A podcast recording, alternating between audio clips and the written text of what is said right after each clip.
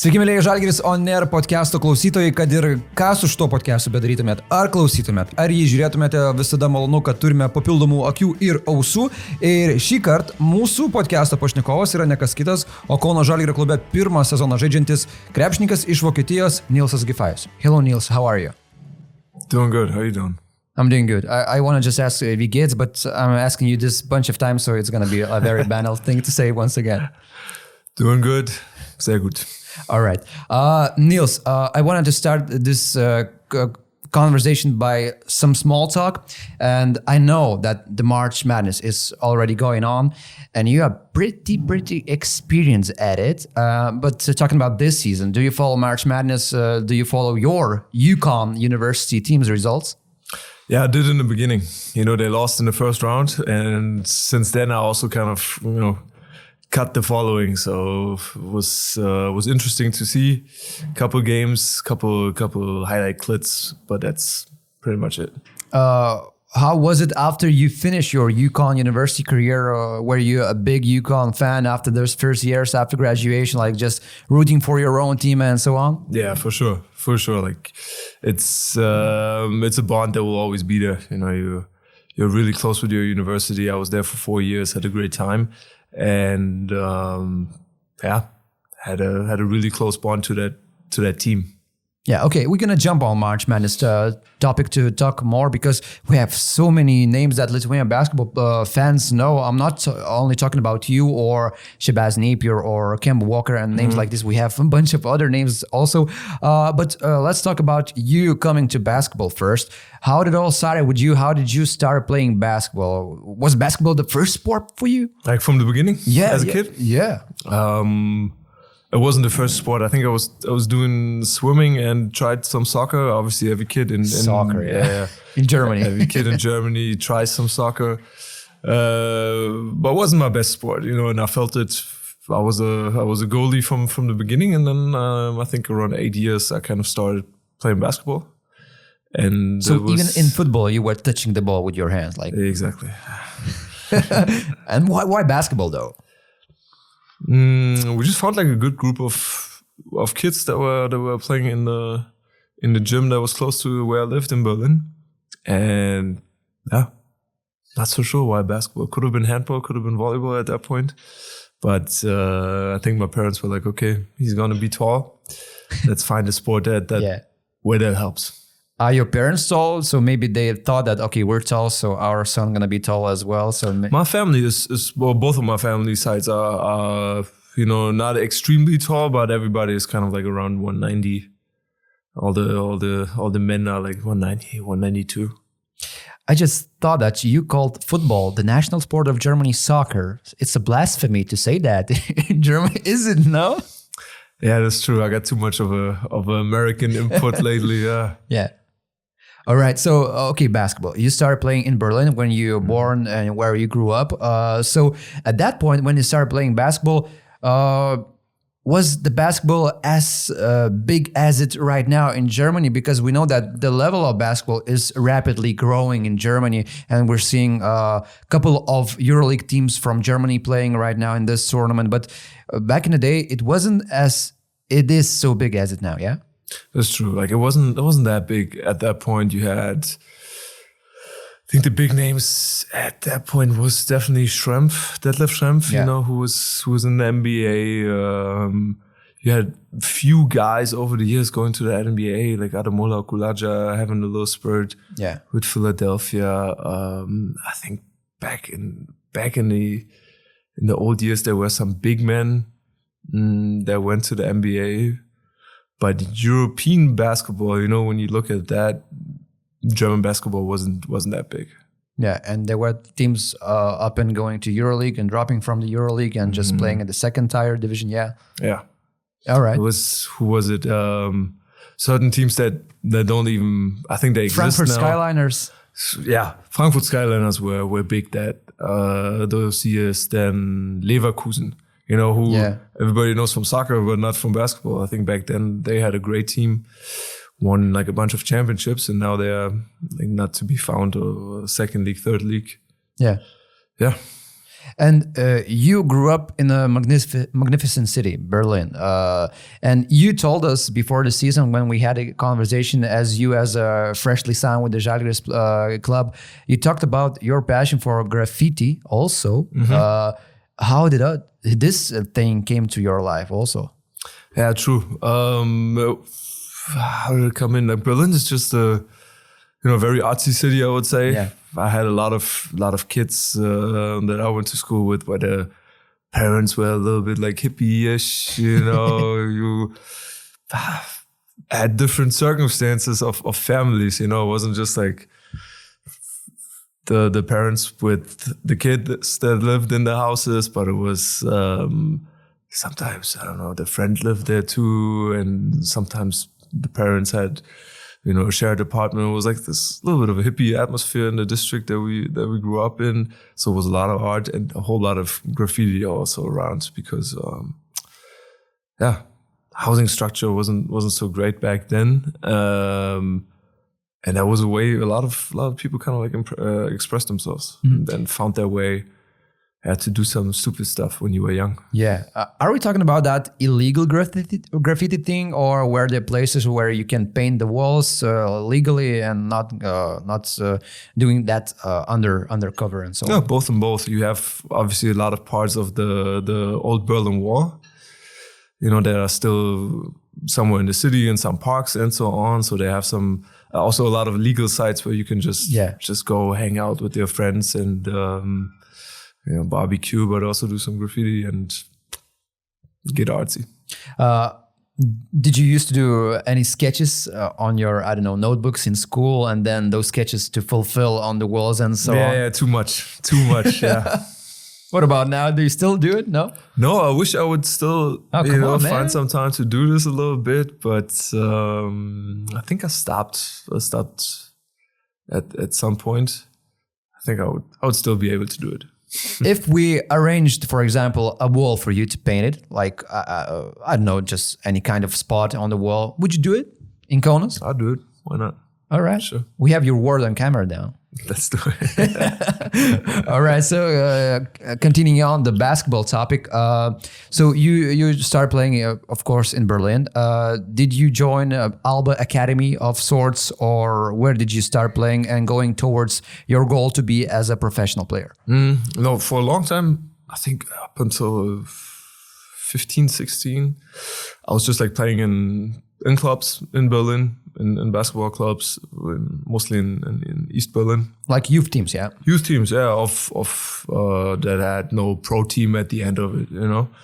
Um, and then I think with maybe around 15, 16, something like this, I joined the Alba, the Alba program, and then played for them for three years in the in the under 19 under 19 uh, league that they did in uh, or just established in Germany. Uh, it was a freshly established league, yeah, like for the under 19 teams, yeah. hmm Before that, I was actually thinking about, ah, okay, um, I was always interested in going somewhere else. Yeah. And I wanted to do an exchange year in high school. Um, you had some people in Berlin that did that, and I was like, ah, you know, this sounds kind of interesting. You know, see something else, Yeah. different different culture. Go to the mecca of basketball, and then this this league started. The Yeah. under nineteen got established, and Alba also had a team, and I was like, fuck, this is a pretty good opportunity. So I stayed in Berlin. Did you at that point uh, were thinking only straight to the professional career, or was wasn't locked at that time already? No, no, no, no, no. It wasn't. I was just playing basketball, enjoying it, just having fun, and so on, just like, see what happens. see what happens. I was usually like playing with older, with the older guys, so um, they keep you humble, you know. Yeah, of course. So you don't think like, okay, I'm scoring you get this reality check. yeah? forty every every game against against the kids your age. Um, but I just had a different role, so I didn't. It wasn't like on my on my main agenda all the time. At that point, uh, did you have any teammates uh, from that under 19 team who still play basketball right now professionally? Can you share some names? Yeah, um, Andy Seiferth, Andreas Seiferth, he played for Bayreuth, first league in Germany. Uh, one of my best. He's one of my best friends. Actually, another one of my best friends is uh, Stephen Monze. He was playing EuroLeague for for Berlin for Bamberg. Yeah. Uh, then stopped his career. Mm, Joshiko Saibou played for German national team. Plays for the German national team. He was pretty good. Uh, He's good. Yeah, he, he's, he just had an injury recently uh, in uh, Dijon in, in France. yeah. He's a guard, yeah. He's a guard. Uh, Konsti Klein, he played for Frankfurt his main years. And um, let me think, someone else. A couple guys that were like in the, in Yeah. the second league. So yeah, Yeah. good group of guys. And uh, the UConn's university offer came on your table. Uh, did you ch- ch- choose from a lot of universities, or UConn was the first one to reach you, and then you just logged this deal in? How did it happen? Um, that was a longer process, to be honest, because I was, yeah, I was trying to think, okay, what am I going to do? Uh, do I want to go go professional? Mm, And it was kind of like that year when you're in high school, you you finish your your diploma and you Yeah. have like this last year, and you're like, okay, is this is this going to be it? Like, am I going to go professional basketball? Yeah. Is there a chance? And I think I had talked to Alba the year before, and they were like, "Listen, we want to make you an offer, something like a three-year, three-year deal." Mm, and then that summer, I became sick. I had like some some immune um, illness, and I was kind of out for for a couple of months. So this offer kind of fell under the table again, and then I thought, ah, you know, man, I was just out for four or five months. This can happen anytime when I play basketball. So Yeah. maybe I should really like do something for my education. And that's kind of how the, the idea of going to the States came about. And then uh, I went to the States with a team that, that played there, with a, with a youth team from Germany, got like smaller offers from smaller schools. And somehow, you know, you talk to people, you talk to players on the on the current uh, on the current team, like, hey, uh, you went to this or you you American you know you went to university can you can you talk to your old coach like give him give him my name and Like a and- recommendation? yeah like you know because I was I was practicing with them with the with the pro team sometimes and they kind of like knew about me. Similar to like you know Yeah. guys from the Jaguar second team coming up to the pro Yeah, team. We know these guys. And then yeah got a couple offers from the from the states. So the circumstances were in your favor, yeah, because you joined a pretty tough, uh, you know, uh, pretty tough in terms of the university's uh, qualities, uh, UConn University, yeah?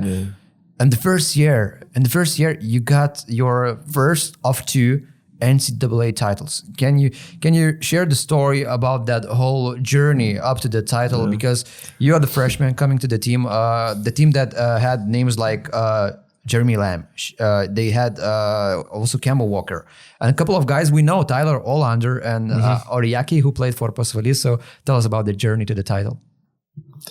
I think we were six or seven freshmen that came in. You know, Jeremy Lamb was a freshman, Shabazz Napier was a freshman, I was a freshman, Tyler Olander was a freshman. So we had all these guys coming in, and then the guy who was already there and super established was Kemba, Yeah, Kemba Walker. So he was a huge star at that point. Yeah, Yeah, he was like he was just on the verge. I think that summer he he got an invite from the from the no the USA national team. Yeah. You know how they practice sometimes Yeah. with with like college players. Yeah. and he got that invite and did really well. So people were like, okay, he's going to the NBA one more year. Blah blah blah. And when we came there, we were like, okay, this is this this is the guy. He gets the ball, and Yeah. we we're just gonna bust, you know, bust our butts to see that we play well. And it took a long time to to kind of get into rhythm, and get into get adjusted to this game. And some guys did better than others, and um, it just helped that you had the structure. You know, like okay, Kemba, absolute leader.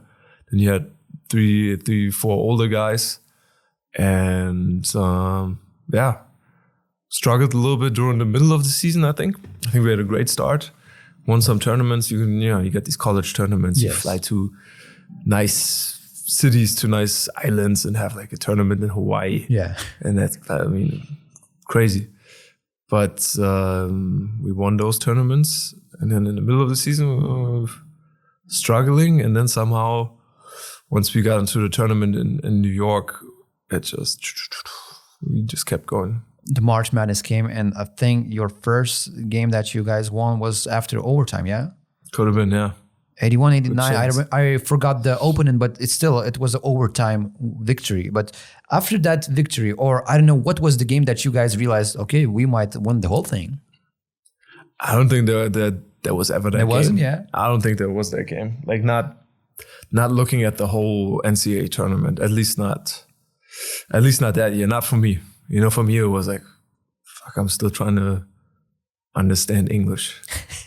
like I'm still trying to learn English the, you had the this right barrier way. yeah yeah Yeah, big like big time. Yeah My English was not good when I when I got to the States. And um yeah, so for me everything was new. I think the other people understood like, wow, we're really we're really doing something special here and we're winning all these games, we're going to the final four and so on. And for me, I never heard of the final four before. what's that yeah Yeah, like I didn't even understand the the whole structure of it all in that in that depth. Maybe that's for the better because you didn't put a lot of pressure on yourself you just understand that you need to play basketball for your university and so on wasn't Yeah, but our coach made sure that there was pressure. and he's a legendary coach yeah Yeah, yeah. hall of famer yeah. nice Jim Calhoun, he's a he's a beast. so he's a beast, and you had this beast of Kemba. How was Kemba in the locker room? Was he that guy who connects everyone to the whole bundle, or I don't know? He was a leader, and it was uh, hard to get to him. he was super open, but he's also like a he's a calm person off the court, which is really nice because it didn't matter to him if you're German, if you're the young guy from somewhere in the states, if you're the old the old dude that was already there. He was just extremely nice person. No, no attitude, nothing. Like really, really good guy. And on the court, he was super competitive. So we like there was just respect right away for him.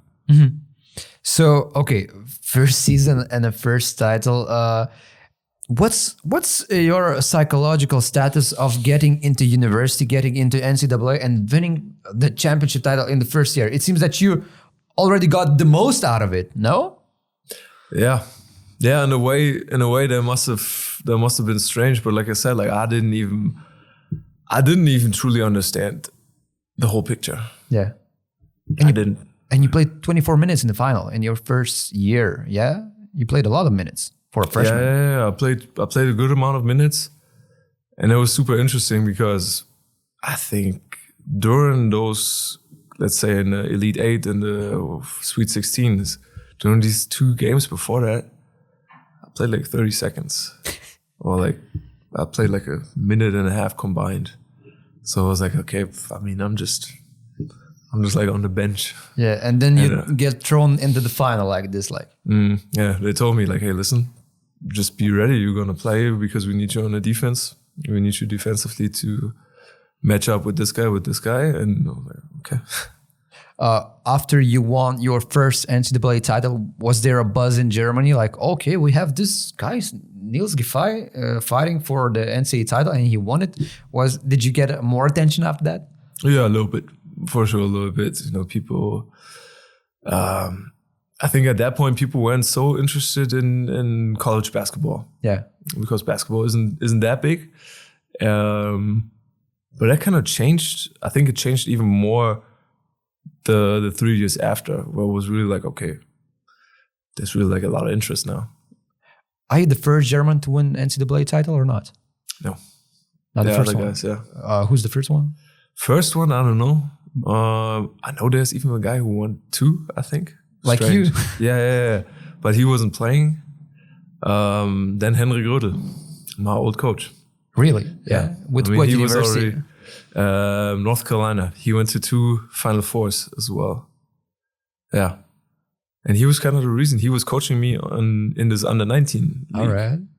So he was the reason why I was like, you know, I'm interested in this stuff. Like he would come with the with the nice college jacket sometimes, and we were playing in these like under 19 championships, and just like to motivate us, he would he would bring the fat ring. Kind Oh of my like god. bring this to practice and show us. So as a kid, you have this idea like, okay, if I go to college, maybe I get one of those. Maybe I wear the Yeah, yeah. jacket.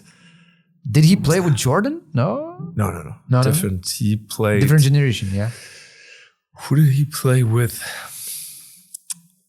I don't remember. Yeah. Okay. Okay. Well, that's a nice way of showing your basketball players that you might get also this if you work hard enough. Yeah, like a ring and stuff like this. It just just having the legacy. Uh, and the second title. Uh, tell us about the second title because you didn't have Kemba on the team. Yeah. Uh, like I just wrote here, you had uh, Shabazz Napier. Yeah. And you had Ryan Boatwright, Yeah. the guy who played for Rytas last season. Exactly. So, what what was special about that second uh, run to the title? Because you were an experienced player at that point. You were playing your third year. Yeah, Fourth year. fourth year. The yeah. last one. Yeah. yeah, yeah. It was different because now all these guys, or, or some of these guys, um, that were playing in the championship in the first year, were now four years together. yeah.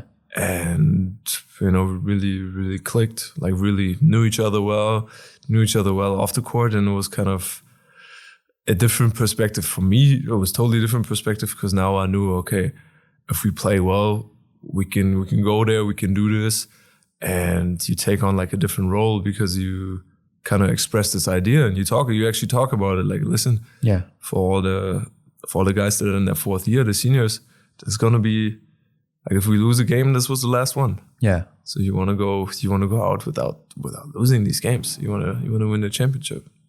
So this this idea, for me at least, this idea totally switched.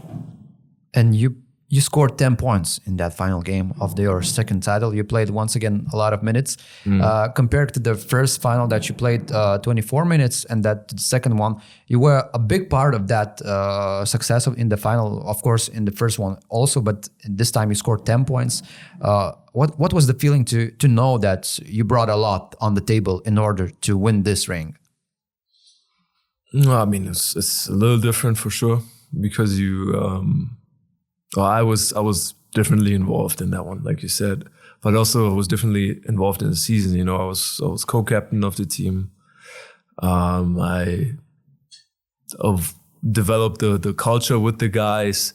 So you kind of really established this this this team together for this whole year and throughout this whole year. So um yeah, it had more impact on it. I see this pattern right now because uh, you were a captain of Alba team, and you were before that you were captain, as you said, co-captain of UConn team. So you have a strong presence in the locker room, I guess. Then, yeah, like you you like to connect the guys together. You like to talk to them. Yeah, is it true? Yeah, it's true. For me, like you know, it takes some time to getting for myself also to open up to guys. But I think at that point, I when I feel like okay, I got the role that um, I can create a culture. I can I can help create a culture, and mm, we click with certain guys. Then it kind of comes natural that it's that it's fun to do this, and um, but I really enjoy this. Like this is this is the the best part of being on a team. I think you know you. It's it's not fun to be on a team if everybody leaves every year. Yeah. it's great when you have a constant of of uh, relationships. When those relationships really translate from off the court to on the court, and you know, man, like if I if I say, "What the fuck did you just do? Why did you this and this and this?" It doesn't. It doesn't matter. Like he he hears what I'm saying. He doesn't see. He doesn't hear my language. Yeah. And that's I think that's when you can be a really good team when you get to this um, to this type of chemistry as a team. Where do you keep your uh, big asses, uh, big ass rings right now? Good question. I don't know if I brought them here. I think they're at my parents' house, probably. Yeah. Yeah, I used to have them at my at my place in Berlin. Yeah. But I think before we moved um, to Kaunas, I think I'm. Uh, I told my parents, "Hey, hold on to these." Those precious things. Yeah. Yeah, exactly. But uh, the biggest prize that you got, uh, well, I don't know if it's um, uh, polite to say the prize, but uh, maybe the biggest victory so far in your life was your wife. Yeah, you met your your Yeah. wife. Yeah. So how did it all happen here in in states? Yeah, I met Erin at UConn. Yeah. and uh, She was playing basketball too. No, no, no, no. She was playing. Um, what do you call this? Uh, lacrosse in Lacrosse. in, in um, high school. I don't think she did a sport in college. She did not do a score uh, sport. And yeah, met like everybody in college. You know, friend groups, parties, kind of like seeing each other, meeting each other, and yeah, had a, had a friendship friendship throughout college. And then I think a year after I already played in Berlin, one year. Over the summertime, I went back to uh, Connecticut, Yeah. where she also lives, and uh, with one of my one of my best friends, uh, Leon. Yeah. uh, we We know the guy. Yes. we went back there and just saw many people, stayed in New York, stayed, I think, for two weeks in the area to see everybody after one year. And then we also met up with Aaron, and kind of like clicked and we we're like, man, should we try this somehow? Like over the over This the ocean, distance, yeah. long distance thing.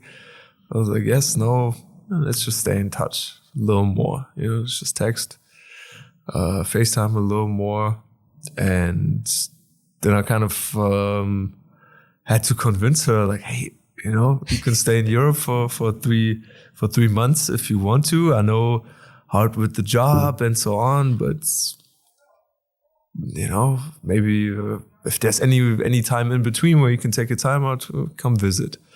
And then I think over the next two years, we we just like kept in touch, kept in touch, visited each other, and uh, at some point, I was like, all right, we either do this or we don't do this. Would you move? You know, Yeah, would you yeah, move yeah. to to Germany? Would you like this? And I think it was a very hard decision for her um, to leave everything behind, leave also her work, her job behind, family. But she she was like, yeah, I'll- I'm gonna try it. Let's let's try this. No wonder you got those captain roles. You you know how to convince people then.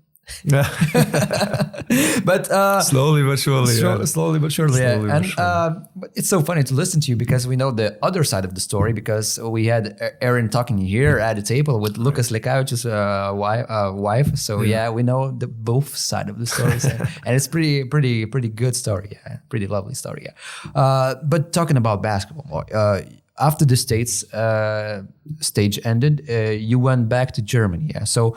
Alba contacted you right away uh, in in the last year of your studies and said, "Hey Niels, we want you to get back. Our our basketball player at the academy. We want you to play for the first team. Yeah, no, Yeah, exactly.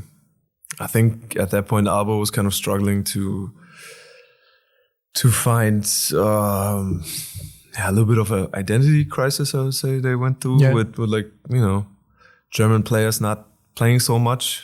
They had a lot of good foreigners, but didn't find a way to integrate the the German players. And um, the GM at that time, uh, Mithat Demirel, who was also former former Berlin player, um, I knew him for a longer time, and he like emailed me once in a while and was like, you know, are you like we really would like you to come back? Yeah. We would like you uh, to stay here for for um, not only like one year but like three year contract, and uh, give you like a long term perspective, build you up in the program. You're still. I know after college you're not super young, but you're still like young, and Yeah. we're gonna play EuroLeague. Would be good fit, you know. So they put you on the table, three years contract. Exactly. Yeah. After college. Yeah, and Sasha Obradovic was the coach. How was he for you? Was he, uh, he? We know that he is a strict coach. Yeah. Yes. And uh, how was it you in the beginning? Because you played four years uh, in the States. Now you're coming back to the team that plays in the highest possible division in the Germany and uh, fighting for titles in the European leagues. Yeah. Yeah. So how was it in the beginning for you? I was challenging because you go from, you know, you go from playing European youth basketball to American basketball. Yeah. You switch, you kind of like switch the, the chip. yeah. And then you go back to, to Europe, you know, to, um, under, under Sasha, you know, very Yugoslavian school, I think. Uh, and it was, it was challenging for me because, you know, you, you have to become a professional basketball player. Um, that comes with a lot of a lot of other things that you have to learn. um, how to how to treat your body, how to um, be a professional every day with with practices, how to you know kind of like fight for your position also on the team. And uh, Sasha did support me though in this role. You know, he gave me gave me opportunities, and um, yeah, was definitely. But he challenged me also. Yeah. After Sasha, there was one uh, one season when the coach was uh, Ahmet Çakı, yeah, Yeah, yeah, and after Chaki, the Aito Garcia Reneses came into the team. yeah. And uh, with Aito, it is that you get not only the coach, you get the, the change of culture right away in the team. Yeah. So, what things what what things did Aito start to change the whole culture of the team? speed, I would say, like speed of the game. It got faster, and um, Run and gun. part of it is run and gun for sure. Like if you're if you're open, you shoot the ball. If you're half open, you shoot the ball. If you're a shooter, you know, if you if you're not open, you pass the ball, and that definitely changed a lot. Um, the reading of the game changed. You had to act quicker. You had to uh, anticipate more. The systems were really like very free flowing, Yeah. And that was also a change. Huh? But it seemed like uh, you were playing uh, Spain basketball living in Germany, yeah, because, because Aito is that Spanish basketball uh, king, and uh, he played a lot of minutes, uh, and he gave a lot of minutes for your younger guys. Yeah, was it his system to trust? Uh, Trust uh, unconditionally the the young guys, no matter what's your age, just to trust you and so on. No, I wouldn't say it's unconditional because they they actually like they usually deserve this. They they deserve their minutes because in in practices and this is what I found like has been the yeah, the, the biggest difference to a lot of other coaches that I've met is that the young guys were involved in everything in every drill in every um, practice. They would do everything like like the 34 year old guy would do everything and he would stop the he would stop the practices for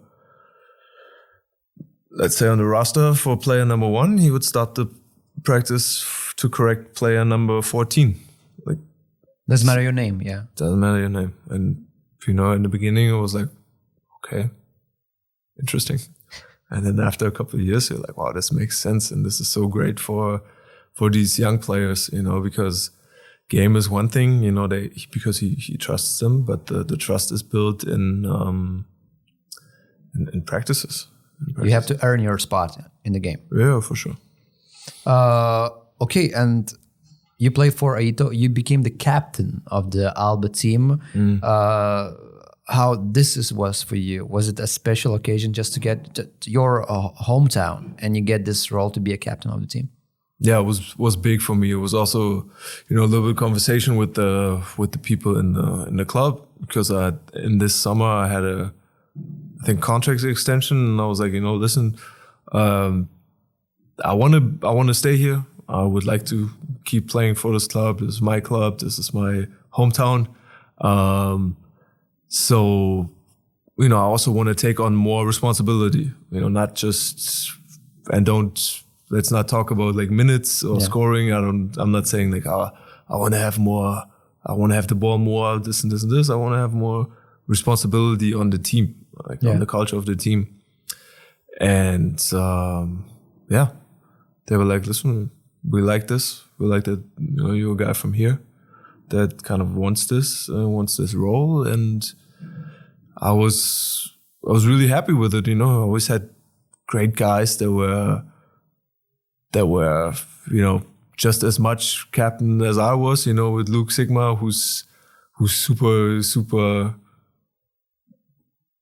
helpful Yeah. like for to have on your team um, he's amazing amazing guy besides everything he does on the court he's a good guy because he connects people he's uh, someone who can also create a culture Yeah. And you played with two Lithuanians together, with Rokas Giedraitis and Marius Grigonis.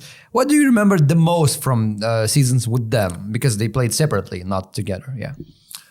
um, that they would come in very quiet and then the transformation until the end of the the season was very very funny to see. Uh, you know, they they were very quiet in the beginning, like hello, Yeah. that's it. And then in the end of the season, super comfortable and like open and really good guys. Uh, big talkers in the locker room. You you mean like yeah, yeah. when they get involved? Uh, yeah. Exactly. Once once once they open up and once they um I probably also felt comfortable on the team. Really really good teammates. Uh, Rokas uh, Giedraitis, he didn't play in Žalgiris, but uh, Marius Grigonis uh, touched a bit of Žalgiris at the start of his professional career. Then he went to the second division of Spain, and uh, right after Alba, he chose Žalgiris. Uh, did, do you remember the moment when Marius was like considering Žalgiris offer, and maybe that was your bigger involvement in getting to know Žalgiris name and so on? Mm, I don't really remember him like making that choice so much, mm, but it sounded like it made sense. You know, good, good position for him. Him and I, I totally understood. You know, he had a chance to go, to go, to go home. You know, go to his home club, and had played somewhere else uh, over Europe before, and then it was cool to to come with a different team, come here to Kaunas, you know, and after the games, uh, we would meet him, and with that also meet the other guys. You know, I think this this was probably like the first time I uh, I met uh, guys like Yankee and Mile, Yeah. you know, in person. You know, after the game, we would sit down somewhere. Ah, so you had a connection with them before joining Žalgiris, yeah? I met them before, yeah. Yeah.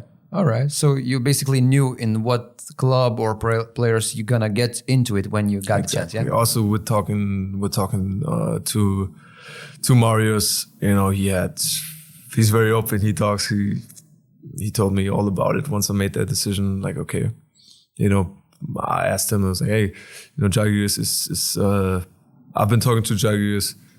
Can you tell me everything? You know? Yeah. So Niels, uh, we come to that point uh, when Žalgiris uh, offered you a contract on the table. Of course, Martin Schiller was the one to contact you, the first, uh, the first person. Uh, but at that point, before getting the contract, did you ever think about leaving Berlin and going somewhere?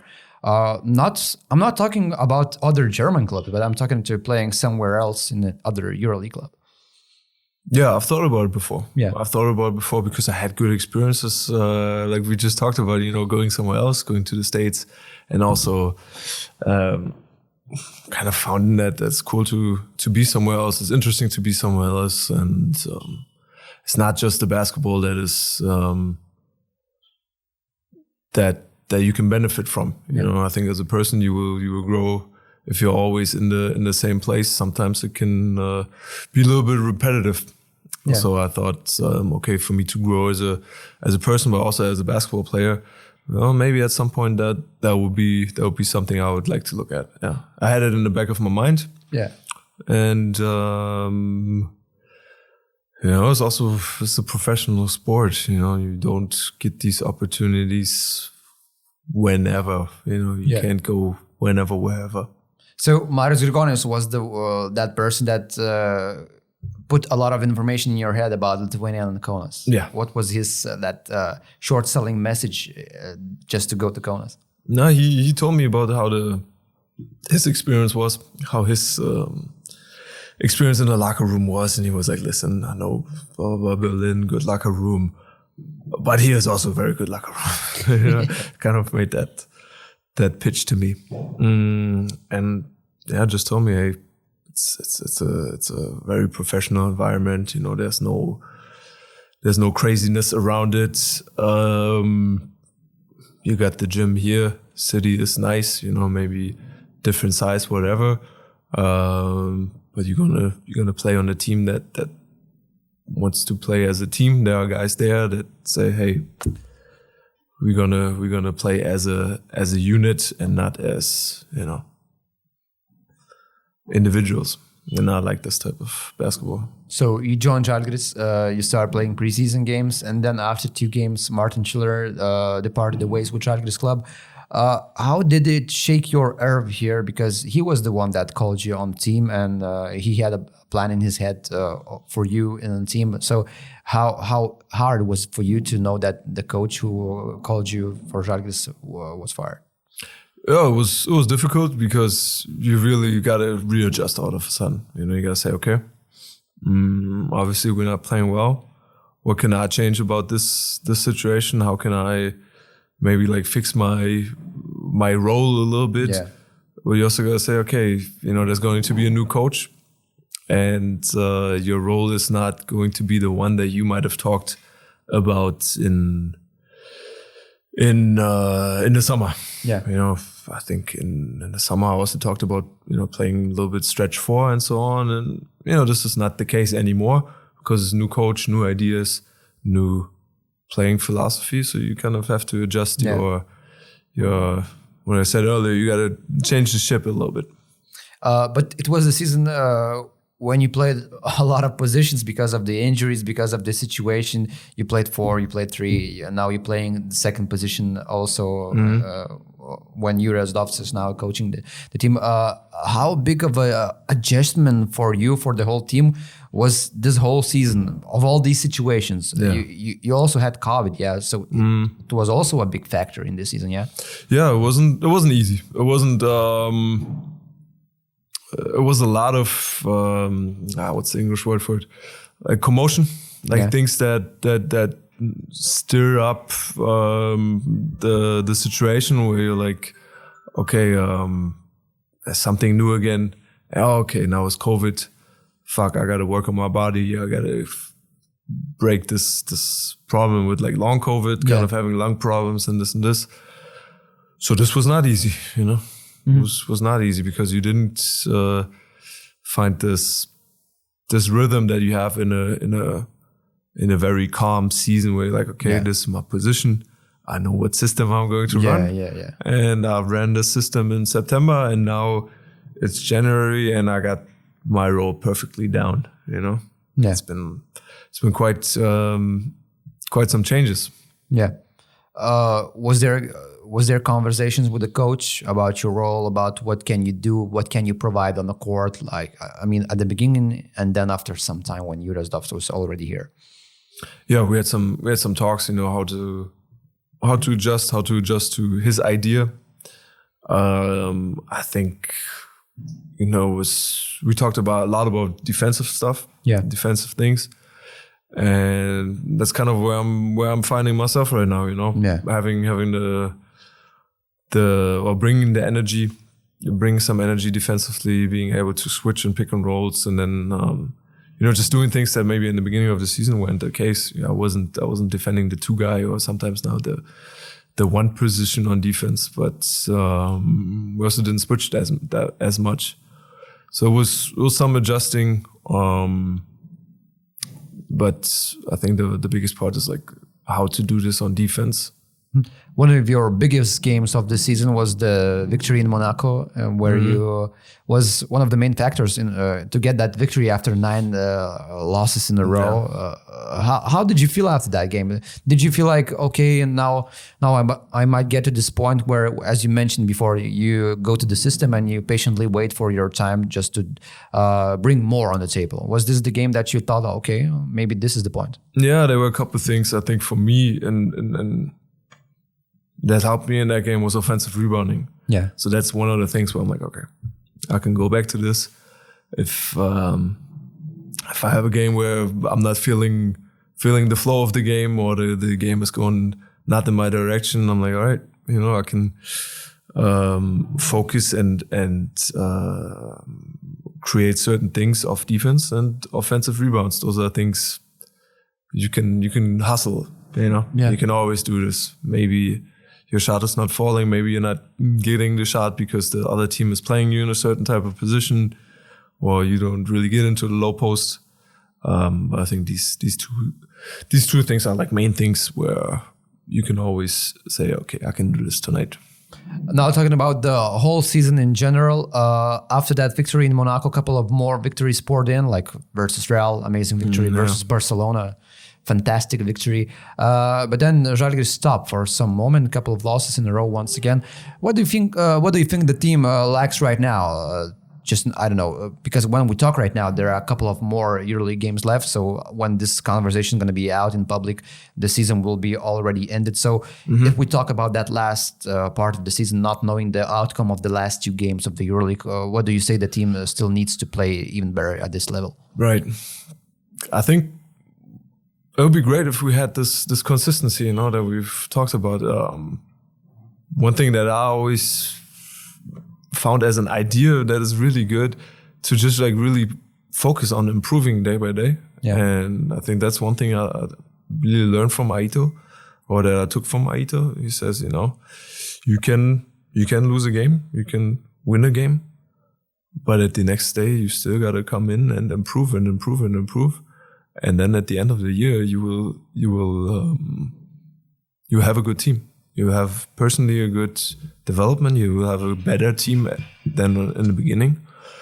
And um, I think that's also for this last stretch. That's that's one thing that we as a team have to have to just focus and and really like concentrate on. That we take these practices to improve and not just you know okay you're preparing for these for these games but not just prepare to be ready for this system and this system but to also get better together and uh, understand each other always better always better always better All right, Niels, uh, we have some listener questions. Uh, thank you for that main part. But before that, I just wanted to ask you a question. Um, we have our our uh, friends from Vilkyškių pieninė. They provide us with uh, amazing production with the Žalgiris logo on it. And are you the fan of uh, yogurts and these little things that in Lithuania we called varškės surelis, little curd uh, bars? small ones huh Yeah. the, the chocolate bars not chocolate but chocolate yogurt bars Yeah, Uh, choc- curd, chocolate, yogurt, curd bars. Yeah, something Yeah. like. Do you do you taste? Do you try those? Uh, definitely a fan of yogurt. Like I'm a Yeah. big, big yogurt person in the morning. Who are the the biggest guy on the team for those guys for those little bars? Ooh, good question. I know whenever the young guys come in, they are all over this fridge. They spoil themselves. Yeah. Yeah, yeah, they are excited about about everything, and especially the the curd bars. They they get excited and they're, okay, Are we getting those for free? Yeah. this is for free. Let's take a couple for the road. So, guys, uh, if you want to support Žalgiris and if you want to have a great production, you can always try Vilkyškių pieninė. I don't know why I'm saying this in English because this is the part where I have to talk in Lithuanian. But Go ahead, hey, please. Yeah, but I already done my part. yeah. But right now for the for the second part, uh, I'm gonna switch in Lithuanian uh, for one more friend of ours. Uh, Go3, uh, žinote, taip pat yra mūsų tinklaladė Žalgiris, o nėra bičiulis. Ir Go3 televizija siūlo jums e, neįtikėtiną galimybę įsigyti sporto paketą ir įsigyti televizijos prenumeratą kiekvieną mėnesį ir mėgautis aukščiausių lygio sporto varžybomis, e, stebėti krepšinį, futbolą, Ir aišku, žiūrėti Kauno Žalgirio rungtynės Eurolygo, taigi galite pasinaudoti ir GO3 paslaugomis. Alright, Niels, before our talk, uh, I mentioned you that you'll need to pick the best question uh, from our listeners' questionnaire. uh, so sign the ball first, because I sometimes forgot this part, and our guy Kipros is very pissed at me because of that. Shout out to Kipros. So, all right, we have your signature and you'll need to pick the best question. Uh, We have some some great questions. There. Okay, Yeah. cool. Our fans are very creative with those. Uh, okay, uh, nothing too provocative, uh, but still great questions. Uh, Amanda asks, "What are Germany's and Lithuanians' similarities, differences, cultural wise?" Oh, you want me to answer all of them? Yeah, of oh, course. I thought we were picking one. I thought we were No, no, no. Ah, All the, of those, the man. best one gets the. Yes, yes, all- Gotcha. yeah. What are the similarities? And differences. Um, we had two days off, and I was in in, in Palanga. yeah. Um, and this was really like this was like totally parallel because my family is from the Baltic, um, up in it's like a, it's close to Polish border, Rügen, ten minutes away from the coast, I would say. Yeah. So like up there in, in Palanga, you know, you got this nice, nice beach with the with the dunes Yeah. and the the forest behind, and this for me this was like this was amazing. This was Gives really you a nice. feeling of home. Yeah. like- really, really, really. This was really a feeling of okay, I'm I'm back where the where the grandparents are. Yeah, right. You know, it was really nice. So this is the similarities. What are the cultural differences between German and Lithuanian people? Cultural differences. Um, I would say some of the foods here are, are different, very Yeah. different. Um, you have a lot of things that are, uh, especially the meats that are like packed into into something baked. Uh, in um, okay, weather is a little a little different. I would say. Mm, Do you like beer of Lithuania? You tried it? I tried some. I really do like like Hefeweizen, like the hoppy beer. Yeah. Like a it's like a whole meal. Whole um, what else is different? Good question. No autobahn, unfortunately. No, autobahn. The the, the speed limit. the speed limit is killing me. Yeah. I saw a video on YouTube. The Czech guy, he was driving his Bugatti, I think. He was driving like 400 uh, kilometers per hour on autobahn. And but okay, he got tested the whole way in front of him before Yeah. that test because of, of the safety measures. Yeah. But still, he was going like 400. If you can do it, you can do it. What's the fastest you went? Now tell us. Um, I think we, like 280. 280? Uh, yes, I think so. It's all like, like 260, Formula One speed. Ah, I mean, you get to like you What get did to you- you get to 200 rather it's, it's, you get to 200 rather fast, you know. Yeah. Like if you drive and you drive for two hours or something, you go on 160. What did you Yeah. drive there? Volkswagen, I think. Volkswagen. Yeah. Good old Volkswagen. Shout out to Volkswagen. hey, Volkswagen. yeah, yeah. Nice. Um, yeah, and then I think you, once you get to like 240, 250, 260, it's especially with the with the, with the older Volkswagen, it's like all right, we got the limit now. Like we Yeah, yeah. we're getting close to the limit. Yeah, yeah, those are some of the differences. Whoa. Faust asks, uh, what was the most difficult thing to get used to li- uh, in Lithuania? Most difficult thing. Um, supermarkets uh, sometimes like closing a little earlier. Like what? 10, 10? Yeah. Is it early for you? Uh, not actually supermarkets. I'm I'm very used to going going to this, we call them späti, like lady late late shop. All right. Yeah, yeah, Yeah. Corner shops. Corner like- shops, yeah. Love love me I love a good corner shop. Yeah. Yeah. We don't have a So- lot of those. And they close earlier. All right. You know, and this is the one when already supermarket is closed, maybe in Germany at 10 or something. You go there and you get whatever. You get you're like, ah shit, I need some water, I need some some juice, I need some snack. Um that's the one. All right. Uh, Beatrice asks, what is your favorite place in Kaunas and Lithuania? I think so far Palanga has been really nice in Lithuania. Um, in in Kaunas, mm, I do I do like whole this whole uh, Laisvės alėja. You know, on the weekend, people people just walk. Feels like whole big part of the city just comes there and, and goes for a stroll. It's like a nice atmosphere. You know, you feel like okay, everybody, everybody's just relaxing going there. Elva Flior asks, what's the difference between Žalgiris and Rytas derby and Alba and Bayern derby? Um, I think Alba Bayern Derby has been a little more. It's a young derby, yeah? It's younger derby, not so much history, and uh, okay, we lost the last one against Rytas. So uh, how to say this politically correct? Um, I think Alba Bayern Derby has been a little more balanced in, the, in the past, where you know the Rytas Rytas Žalgiris one is um, You can say it. it's a little more dominant on the uh, on the on the Žalgiris side, and so it's supposed to be. All right. Uh, Vaiva Vainusida asks, uh, favorite Žalgiris tradition? Um,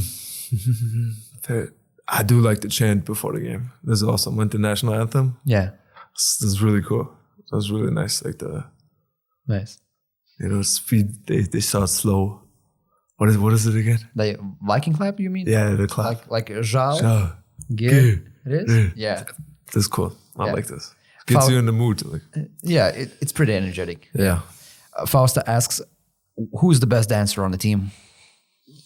I don't. I don't know. I don't know yet. I would guess it's it's uh, Ty Webster. it's just my just my Easy, easy choice, yeah. easy choice. I would say. Uh, Christopus asks, imagine a 3x3 basketball tournament is going and you have to pick up uh, three teammates, uh, two who play with you at the start and one for the substitution. Who would they be? On our team, Yeah. Ule, good one-on-one player. A bit of post up. A bit of post up.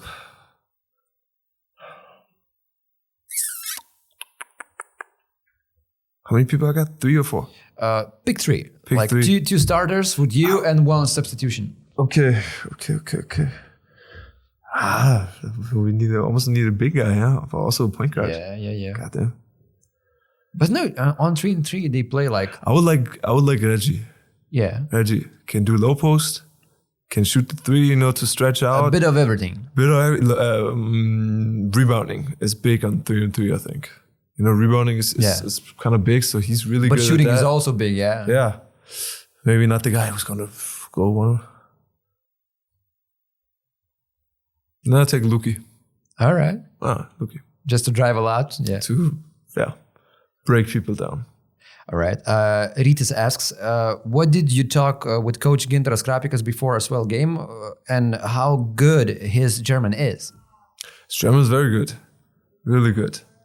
Uh, yeah, we just caught up. He was like, oh, you know, haven't haven't really had the the talk before the before the game yet or in the in the arena yet. So he was like, hey, good luck tonight. How's it going? You know, has been up and down season. Yeah. I just gave some advice and was like, hey, you know, just keep keep going, keep working. The work can always you can always work hard. He's a big Žalgiris guy. Yeah. Uh, Kamen Blaz asks, uh, why did you choose number 55? always played with number five, so there had to be something with with five. I don't know why, but it's always Yeah. been the number.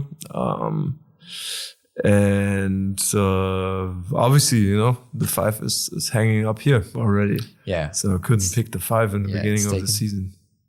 So I was like, I was scrambling a little bit. Like, "Ah, okay, 25, 55. Okay. Yeah. Uh, Vikiant asks, uh, what is the best place to visit in your hometown? the best place. I like the parks, Mauer Park. Um, you got you got the the Berlin Wall there. You also Yeah. got the graffiti walls there. Um, on the weekend, okay, for tourists, this is for sure something really really cool uh, because you you got a big flea market. You got some vendors that offer food, street food Yeah. And you got a lot of these musicians, hippie musicians, just doing music. I like this place. And the last question, it goes from Joris uh, Zalgiri. He asks, what was your favorite video game of all time? And what is? Damn, I don't really, I don't really play video games like this, but probably GTA. GTA, which one? Yeah. Uh, Vice City. Vice City, yeah. Great story, uh, great music. Yeah, yeah. Great, Music was good, huh? yeah. I remember Rock FM. Yeah. Rock FM. Listen to Rock FM.